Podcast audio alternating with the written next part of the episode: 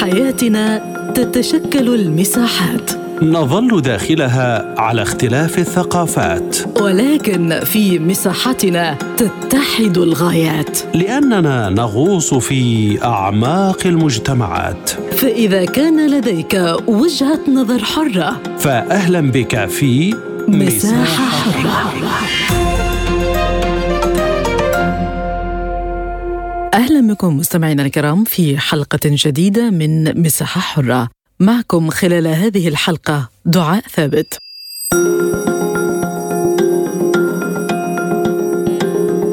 قال وزير الطاقة والبنية التحتية الإماراتي سهيل المزروعي إن أي تراكم في المخزون النفطي العالمي قد يؤدي إلى عدم الاستقرار وارتفاع نسبة المضاربات في الأسواق العالمية. وأكد في هذا السياق أن منظمة الدول المصدرة للنفط أوبك وحلفائها من خارج المنظمة أوبك بلس تسعى دائما إلى تحقيق التوازن في أساسيات السوق بين العرض والطلب لتجنب أي تراكم في المخزون النفطي العالمي وفقا لوكالة الأنباء الإماراتية وام وتبع أن الفريق الفني في أوبك يراقب المتغيرات في أسواق النفط العالمية بشكل مستمر ثم يرفع توصياته إلى اللجنة الوزارية لاتخاذ ما هو مناسب من القرارات التي من شأنها أن تعزز استقرار الأسواق والنمو المستدام. تأتي تصريحات وزير الطاقة الإماراتي تزامنا مع فعاليات مؤتمر أوبك الدولي الثامن الذي يعقد في العاصمة النمساوية فيينا الأربعاء المقبل. وفي الشهر الماضي أعلنت منظمة أوبك بلس عن ضبط مستوى إجمالي إنتاج النفط للدول الأعضاء في أوبك والدول غير الأعضاء في أوبك إلى 40 مليون و460 ألف برميل يوميا من الأول من يناير كانون الثاني 2024 إلى الحادي والثلاثين من ديسمبر كانون الأول 2024 وأضافت المجموعة في بيانها تعمل أوبك بلس بالفعل على خفض الإنتاج بمقدار مليوني برميل يوميا حتى نهاية 2023 إلى 41 مليون و856 ألف برميل يوميا. وأشار البيان إلى أن مجموعة أوبك بلس اتخذت قرار تعديل حجم إنتاج النفط للحفاظ على استقرار سوق النفط وإرساء قدرة طويلة الأمد على التنبؤ بحركته. ونوه البيان إلى أن الاجتماع المقبل لرؤساء وفد أوبك بلس سيعقد في السادس والعشرين من نوفمبر تشرين الثاني في فيينا. للتعليق على هذا الموضوع ينضم إلينا من القاهرة الباحث بوحدة دراسات الطاقة أحمد بيومي. أستاذ أحمد بعد التحية. اذا بعد تحذير الإمارات من تراكم المخزون النفطي العالمي كيف يمكن تجنب ارتفاع نسبة المضاربات في الأسواق العالمية؟ إحنا عارفين إن النفط عالميا يتم إدارته من خلال مجموعة الدول المصدرة للنفط هي الأكثر تصديرا للنفط اللي هي بتسمى منظمة أوبك. وإذا أضفنا عليها منظمة أوبك تتكون من 13 دولة. وإذا أضفنا عليها أوبك بلس الدول الأخرى غير الأعضاء في المنظمة يصبح يعني العدد نضيف 23 دولة أخرى إلى منظمة الأوبك. علشان يكون حصة منظمة اوبك بلس من الإنتاج العالمي. للبترول حوالي 44% إجمالي ما يتم إنتاجه من البترول عالميا هو حوالي 97 مليون برميل يوميا. منظمة أوبك عندها مستهدف في 2024 لإنتاج 40 مليون برميل يوميا بما يمثل تقريبا حوالي 40% من الإنتاج العالمي. المصالح بتاعة الدول الأعضاء في منظمة أوبك بلس مختلفة نظرا لأن أعضاء الدول كتير جدا وإحنا عارفين صناعة النفط زي أي صناعة عالميا ليها هيكل تكاليف ليها هيكل خاص بالجزء الجيولوجي الخاص بنوع النفط المستخرج ليها جزء خاص بالنمو الاقتصادي في البلاد ليها جزء خاص بالسياسة ومتعلق بالإنفاق الحكومي اللي بيحصل في البلاد. وبناء عليه فهناك يعني نوع من أنواع الصعوبة إن من... جميع الدول الأعضاء في منظمة الأوبك أن يتم الاتفاق على قرار واحد بخصوص إنتاج النفط، فعلى سبيل المثال بتجد بعض الدول لديها رغبة في خفض الإنتاج اولا لتحقيق المزيد من الاستقرار في الأسعار أو لرفع الأسعار بشكل جزئي بشكل يسمح لها تحقيق أرباح جيدة نسبة إلى هيكل تكاليفها، لكن هناك دول أخرى تجد أن ذلك السعر المرتفع يؤثر على نصيبها بسوق الطاقة العالمي وبناء عليه بتتفاوض أو بيكون قرارها مخالف لقرار بقية الدول الأعضاء في منظمة أوبك بلس. من المدخل ده أو من الحتة دي بالتحديد إحنا في عام 2024 والجزء المتبقي من عام 2023 عندنا العديد من المخاوف اللي موجودة في العالم. الأولى طبعا وهي استمرار ارتفاع معدلات التضخم عالميا آه، وبالتحديد في الولايات المتحدة الأمريكية وإعلان البنك الفدرالي الأمريكي عن سعيه استمرار آه، تطبيق سياسة آه، رفع سعر الفائدة يعني تكون بشكل أطول من الوقت الحالي وبناء عليه يترتب على قرار المركزي رفع سعر الفائده إلى إن السوق يدخل في حالة انكماش وهو الأمر الذي يخيف منتجين النفط عالميا لأن حالة الانكماش تعني انخفاض في الطلب وهو ما سيتبعه انخفاض في المعروض من المنتجات وبالتبعية انخفاض في الطلب على آه، النفط. آه، من جانب اخر الصين بتواجه احتمالات كبيرة لحدوث ركود اقتصادي بعد البيانات المالية الأخيرة التي أفصحت عنها. والصين من المعروف أنها المستهلك الأكبر للنفط عالميا. ومن ثم فإن أي تباطؤ اقتصادي في الصين سيؤثر بشكل مباشر على أسعار الطاقة العالميا. وهو ما نجد أن منظمة الأوبك بعد قرارات زيادة الإنتاج المتوالية التي حدثت في عام 2022 بحوالي 400 ألف برميل يوميا ما أضاف حوالي 1.6 مليون برميل قررت وبشكل فجائي خفض إنتاج النفط بحوالي 2 مليون برميل يوميا بالإضافة إلى قرارات الخفض الطوعية بين التي تم الاتفاق عليها بين المملكة العربية السعودية وبين آه، روسيا لخفض النفط بحوالي 1.5 مليون برميل آخر 1 مليون برميل آه، للمملكة وحوالي 500 ألف برميل لروسيا. ومن ثم فإن آه، الهدف الأساسي والمعلن لمنظمه أوبك أو منظمة أوبك بلس هو تحقيق استقرار في أسعار النفط عالميا. الحفاظ على الحصص السوقية للدول الأعضاء في هذه المنظمة تحقيق أرباح للدول المنتجة للنفط وهو بالطبع حق أصيل لهم لأن هم في موارد طبيعية وهم بيدخلوا في عمليات إنتاج وتصنيع وما إلى ذلك. ومن الطبيعي إنهم يحققوا عليها أرباح. والدفاع عن حقوق وعن الفرص المتاحة للدول اعضاء هذه المنظمة فوق النفط عالميا. كيف يمكن تحقيق التوازن في سوق النفط وهل تحد الإجراءات التي يتخذها منتجو النفط من المشكلات التي تواجه أسواق الطاقة؟ يعني حتى الآن لا زالت منظمة اوبك بلس قادرة على تحقيق التوازن في سوق النفط عالميا إحنا يعني بنرى أن سعر التوازن ما بين ال 70 وال 85 دولار هي أسعار تضمن لجميع الدول المنتجة للنفط آه، تحقيق أرباح طبعا كلما اقتربنا من الثمانين يعني أرقام ال 80 دولار للبرميل فبتزيد الأرباح الشركات المنتجة أو الدول المصدرة لبراميل النفط. إحنا آه، في في مجموعة من الأمور التي تؤخذ في الاعتبار الأمر الأول طبعا زي ما ذكرنا الجزء الخاص باحتمالات نمو الاقتصادات عالميا والتباطؤ الاقتصادي الذي ربما تدخل فيه الولايات المتحدة الأمريكية أو ذلك الآخر الذي ربما أن تدخل فيه الصين. وبالتأكيد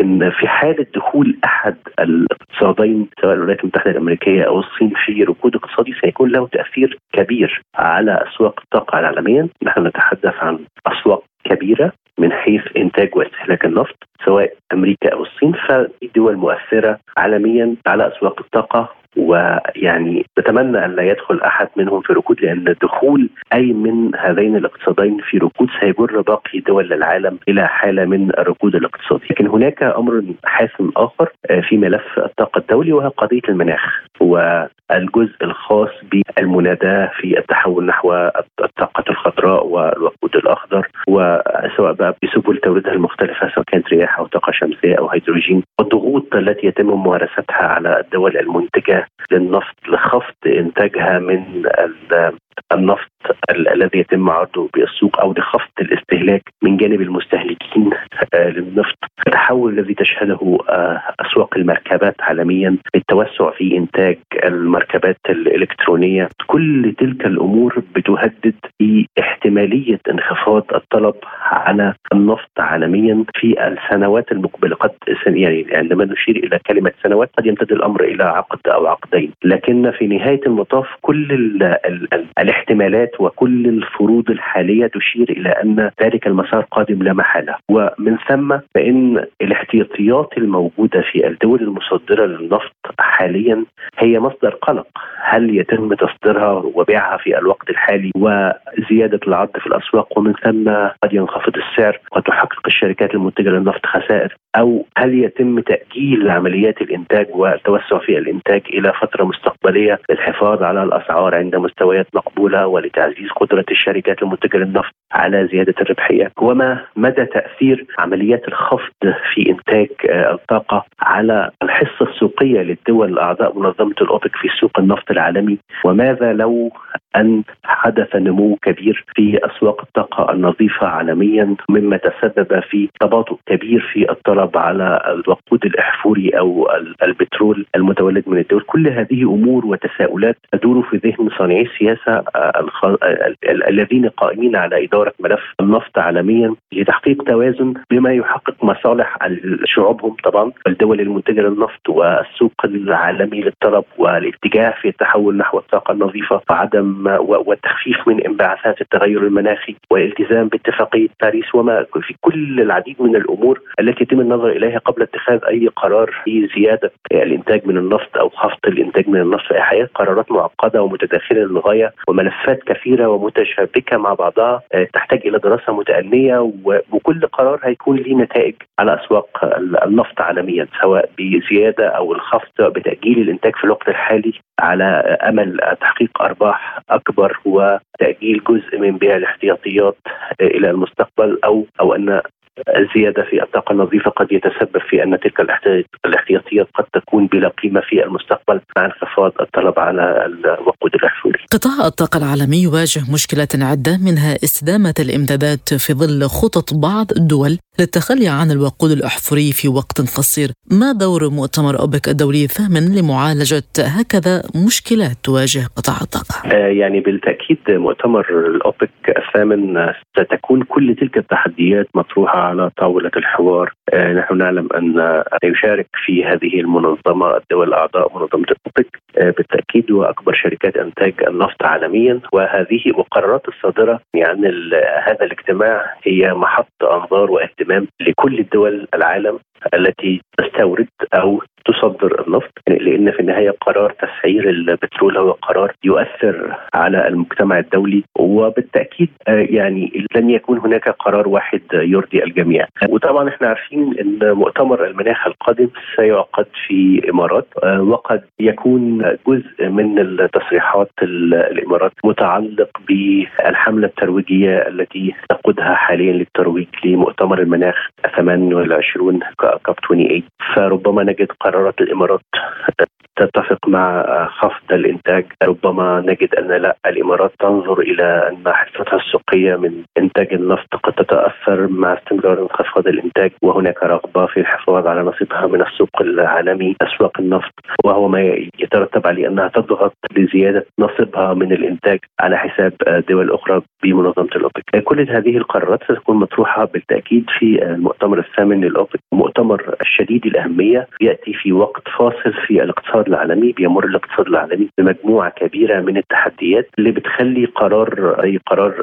تسعير البترول أو تحديد الكميات التي سيتم إنتاجها في العام المقبل وفي الفترة المقبلة قرار مصيري بالنسبة للاقتصاديات العالمية المتعبة بالفعل من جائحه الكورونا وبعدها بسبب آه، الحرب في وسط أوروبا والركود المتوقع في الصين والتضخم المرتفع في الولايات المتحدة الأمريكية. العديد من الأوضاع التي تجعل من المؤتمر في وقته الحالي مؤتمر مصيري ومهم للغاية. الباحث بوحدة دراسة الطاقة أحمد بيومي شكرا جزيلا على كل هذه الإيضاحات. ومن الرباط ينضم إلينا الخبير الاقتصادي رشيد الساري. أستاذ رشيد بعد التحية، هل نجحت منظمة الدول المصدرة للنفط أوبك وحلفائها من خارج المنظمة أوبك بلس في إحداث التوازن والاستقرار في سوق النفط؟ آه، إذا سمحت لي آه، أستاذة يعني كان هناك الهدف لمجموعة دول الأوبك هو ان يشهد هذه السنة سنة 2023 أن تكون سنة إقلاع اقتصادي حقيقي. ولكن أظن بأنه الظروف الآن يعني هناك الاتحاد الأوروبي يعيش تقريبا شبه ركود الولايات المتحدة الأمريكية نفس الشيء. مع لن أقول بأنه إقلاع محتشم ولكن إقلاع ليس في مستوى التطلعات للصين لأنه اليوم الرهان الذهان كان كله حول الصين وأنها سوف يعني يكون هناك يعني إقلاع كبير للاقتصاد وبالتالي سوف يكون هناك استهلاك كبير للمواد الطاقيه خاصه الاحفوريه. اليوم يعني نلاحظ بأنه كان جميع التوقعات تشير بأنه سوف يكون هناك إقبال كبير على على على على البترول خاصة والغاز ولكن ما وقع اليوم هو أنه هناك يعني تقريبا يمكن أن نقول بأنه الكميات هي متوفرة بشكل كبير ليس هناك إقبال. وبالتالي يعني حتى التوقعات كانت تشير بأنه يعني البرميل الواحد سوف يكون في حدود 100 دولار. اليوم يعني الأسعار بين 70 إلى 75 دولار للبرميل الواحد وبالتالي هذا ما خلق يعني لن أقول بأنه هناك خلخلة أو هناك يعني عدم توازن داخل منظمة الاوبيك واوبيك بلس ولكن خلق نوعا من عدم يعني التوازن لماذا؟ لأنه اليوم الأسعار ليست في المستوى المتوقع وربما اليوم يعني ما نلاحظ بأنه مجموعة من الدول خاصة الدول الخليجية المنتجه للنفط أصبحت تعتمد بشكل كبير على تنويع اقتصاداتها على تنويع قطاعاتها الاقتصادية ولكن دائما يعني تعتمد بشكل كبير وكبير جدا على العائدات من البترول. اليوم إذا لاحظنا إذا قمنا يعني بمقارنة بسيطة لما يعني آه، لرؤية 2030 بالنسبة للمملكة العربية السعودية يعني أنه من بين المحددات لكي ينجح هذا المشروع الكبير يجب أن يكون يعني اسعار البترول في حدود على الأقل 80 دولار للبرميل. هذا الشرط اليوم غير متوفر وأظن بأنه اليوم منظمة الأوبك ومع حلفائها كما قلت في في أوبك بليس سوف ينهجون النهج بالنسبة لهم الصائب وهو التخفيض من آه، آه، الإنتاج. ولكن آه، اسمح لي أن نشير إلى نقطة جد مهمة لأنه اليوم حتى تستطيع هذه الدول دول دول أوبك واوبك بليس بانها تصل إلى مستويات بالنسبة لها اسعار معقولة ومعقولة جدا. يجب أن يكون الانخفاض ليس في حدود مليون برميل يعني مليون برميل لليوم ولكن أظن بأنه الحصة يجب أن تكون مضاعفة ومضاعفة بشكل كبير. هناك بعض بعض بعض الخبراء في ميدان البترول يؤكدون بأنه حتى تصل يعني الأسعار بالنسبة لمنظمه الاوبك واوبك بلس أنها تصبح مناسبة يجب التخفيض يومي يصل إلى 30 مليون برميل لليوم. هذه يعني مجموعة من الخبراء يعني يراهنون على هذه العملية. ولكن هذه العملية أظن أنه من المستحيل اليوم أن نقول بأنه الإنتاج سوف ينخفض إلى هذا المستوى. ربما سوف يكون في حدود مليون إلى مليوني برميل يوميا. إلى أين تتجه أسعار النفط بالنصف الثاني بعد أن شهدت تراجعا في النصف الأول وتأثير عمليات الخفض الطوعي التي اتخذتها الدول الأعضاء بالتحالف وإذا كان سيحدث خفض جديد؟ اظن بأنه اليوم يعني مجموعة كما قلت التوقعات على المستوى العالمي لن تكون هناك أنشطة اقتصادية واعية. يعني أننا رغم أنه الانخفاض المتوقع يعني شخصيا أتوقع بأنه سوف نبقى في نفس يعني في نفس الأسعار أنه يعني تقريبا في حدود 70 إلى 75 آه، دولار للبرميل لأنه آه، اليوم هناك كما قلت وهذا يجب التأكيد عليه ويعني يجب يعني أن نسطر عليه بالأحمر. الاحمر هو أنه اليوم آه، العالم يعيش ركودا حقيقيا. كنا نتوقع بعد يعني انقضاء جائحة كورونا المشهد طفره اقتصاديه كنا نتوقع مع يعني انتهاء آه، صفر صفر كورونا بالنسبة أو صفر آه، كوفيد بالنسبة للصين أن يكون هناك إقلاع اقتصادي. ولكن ما نشاهد اليوم. هناك استقرار في الأنشطة. هناك مجموعة من الدول تعاني ركودا حقيقيا واليوم يمكن أن نقول بأنه وبكل موضوعيه بأنه الولايات المتحدة الأمريكية ومعها يعني الاتحاد الأوروبي يعيشون يعني معاناة حقيقية اليوم الاقتصادات العالمية الكبرى اليوم في مأزق لا أظن بأنه يعني هذه الإجراءات التي سوف يقوم بها يعني منظمة أوبك وأوبك بلس سوف يكون لها الأثر كبير ربما سوف نشاهد يعني ارتفاعات ولكن ارتفاعات لن تكون مؤثرة. يعني أنه لحدود الساعة لن تكون مؤثرة إلا إذا كان هناك سيناريو آخر وأنه يعني يعني يكون هناك يعني آه، إقلاع اقتصادي وهذا لا أظن بانه يعني مجموعة من آه، توقعات صندوق الدولي وكذلك صندوق النقد الدولي. يعني كلها لا تراهن بأننا سوف تكون سنة يعني آه، سوف تعرف مجموعة من معدلات النمو المحفزة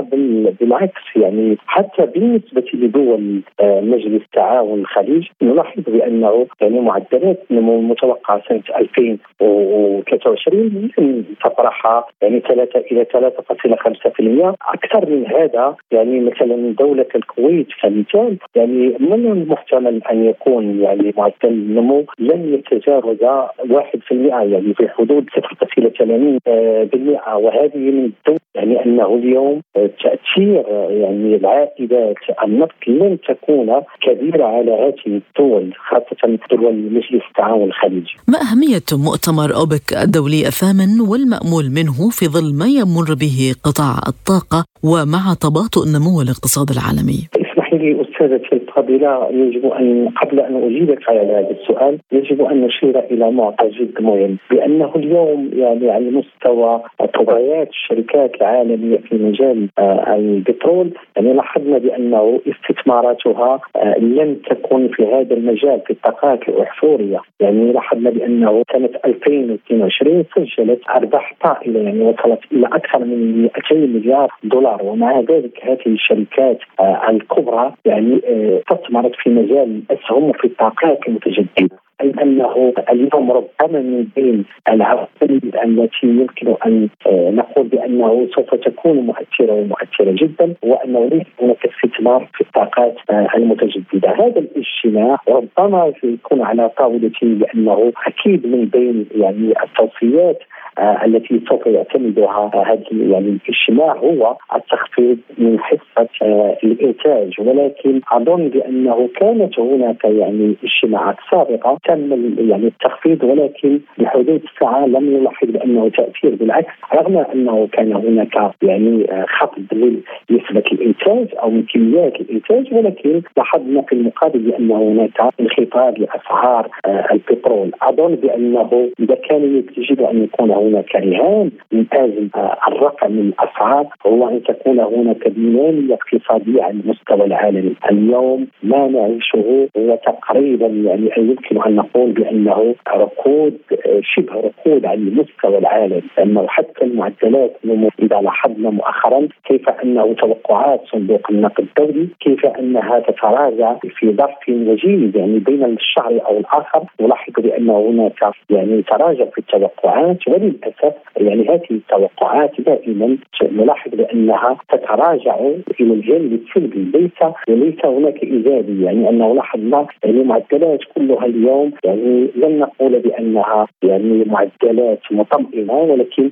معدلات تنبئ بأنه يعني سنة 2023 الثاني سوف تكون صعبة وصعبة جدا على الجميع. أشكرك جزيل الشكر على كل هذه الإيضاحات الخبير الاقتصادي رشيد الساري. ونتجه إلى لندن حيث ينضم إلينا من هناك خبير النفط العالمي الدكتور ممدوح سلامة. دكتور ممدوح بعد التحية ما أسباب هذه التحذيرات الإماراتية؟ وكيف يمكن تحقيق التوازن بين العرض والطلب تجنبا لتراكم المخزون النفطي العالمي؟ طبعا يعني تخمة في سوق النفط العالمي. ولكن أعتقد ليست هناك أي تخمة الآن في سوق النفط العالمي. إذا كان هناك ضعف في أسعار النفط ليس مرده إلى ضعف الطلب العالمي على النفط. بالعكس الطلب العالمي قوي وأساسيات سوق النفط العالمي قوية جدا. ما يؤثر الآن أو ما يضع أسعار النفط تحت ضغط كبير هو التخوف المتزايد الموجود في الأسواق من حدوث أزمة بنكية عالمية أو أزمة مالية عالمية. سببها الولايات المتحدة وضعف النظام المالي والبنكي الأمريكي. التوازن الآن موجود، إذا كان هناك ضعف في الأسعار كما قلت ليس مرده وجود تخمة في السوق، التوازن فعلا موجود، التخوف هو أزمة بنكية عالمية. هذا وطبعا كلما رفع البنك الفيدرالي الأمريكي أسعار الفائدة. هناك تخوف من أن ينهار بنك آخر أو بنكين أمريكيين مثل ما حدث في البنوك الثلاث التي انهارت في مطلع هذا العام. هذا التخوف هو الذي يؤدي إلى نوع من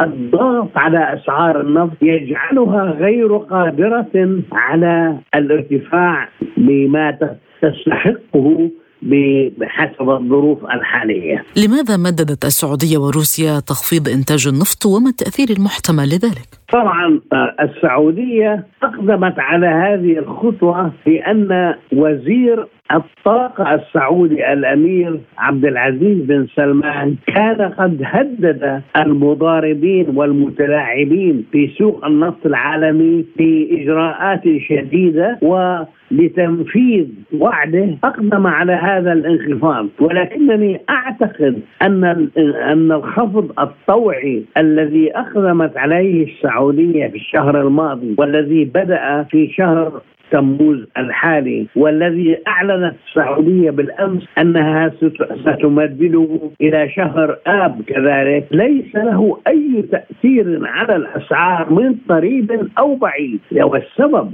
أنه ليست هناك اي تهمه في السوق. ف إجراء خفض جديد لن يؤثر من قريب أو بعيد على الأسعار. التأثير الوحيد القادر على رفع أسعار النفط في العالم هو انتهاء من أو انتهاء الخوف الموجود في الأسواق كليا من حدوث أزمة بنكية عالمية. غير ذلك لن يحدث أي شيء. ما الذي يمكن أن تقوم به أوبك إزاء الأزمة المالية أو البنكية؟ أوبك لا تستطيع أن تأخذ أي إجراءات. الأزمة البنكية مصدرها الولايات المتحدة ليس مصدرها منظمة. القرار هو قرار الولايات المتحدة والقرار قد يكون في وقف أي ارتفاعات في أسعار الفائده من جانب البنك الفيدرالي الأمريكي لأنه لاحظنا كلما ارتفعت كلما أقدم البنك على إجراءات من هذا النوع كلما نقصت السيولة في السوق سوق المالي الأمريكي. هذا أدى في السابق في مطلع هذا العام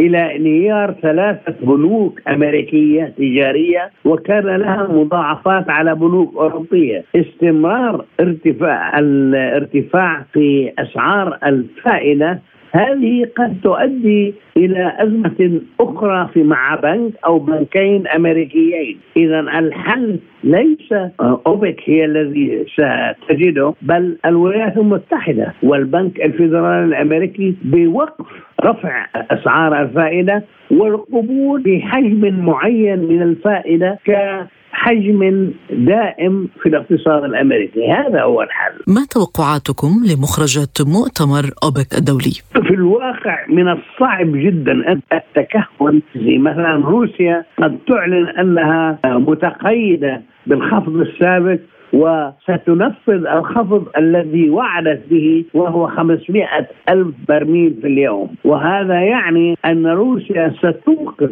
صادراتها ب 500 ألف برميل كعمل رمزي وتنفيذا لوعد كان الرئيس بيوتن قد وعد به. هذا القرار متوقع من أوبك غير ذلك لا أعتقد أي خفض جديد سيكون له أي تأثير. الحل يكمن في يد الولايات المتحدة وهذا الحل يكمن في أن يوقف البنك الفيدرالي الأمريكي. أي خفض جديد على أسعار أي ارتفاع جديد في أسعار الفائدة خبير النفط العالمي دكتور ممدوح سلامة شكرا جزيلا على كل هذه الإيضاحات الشكر موصول لكم مستمعينا الكرام بإمكانكم الإطلاع على المزيد عبر موقعنا سبوتنيك دوت اي.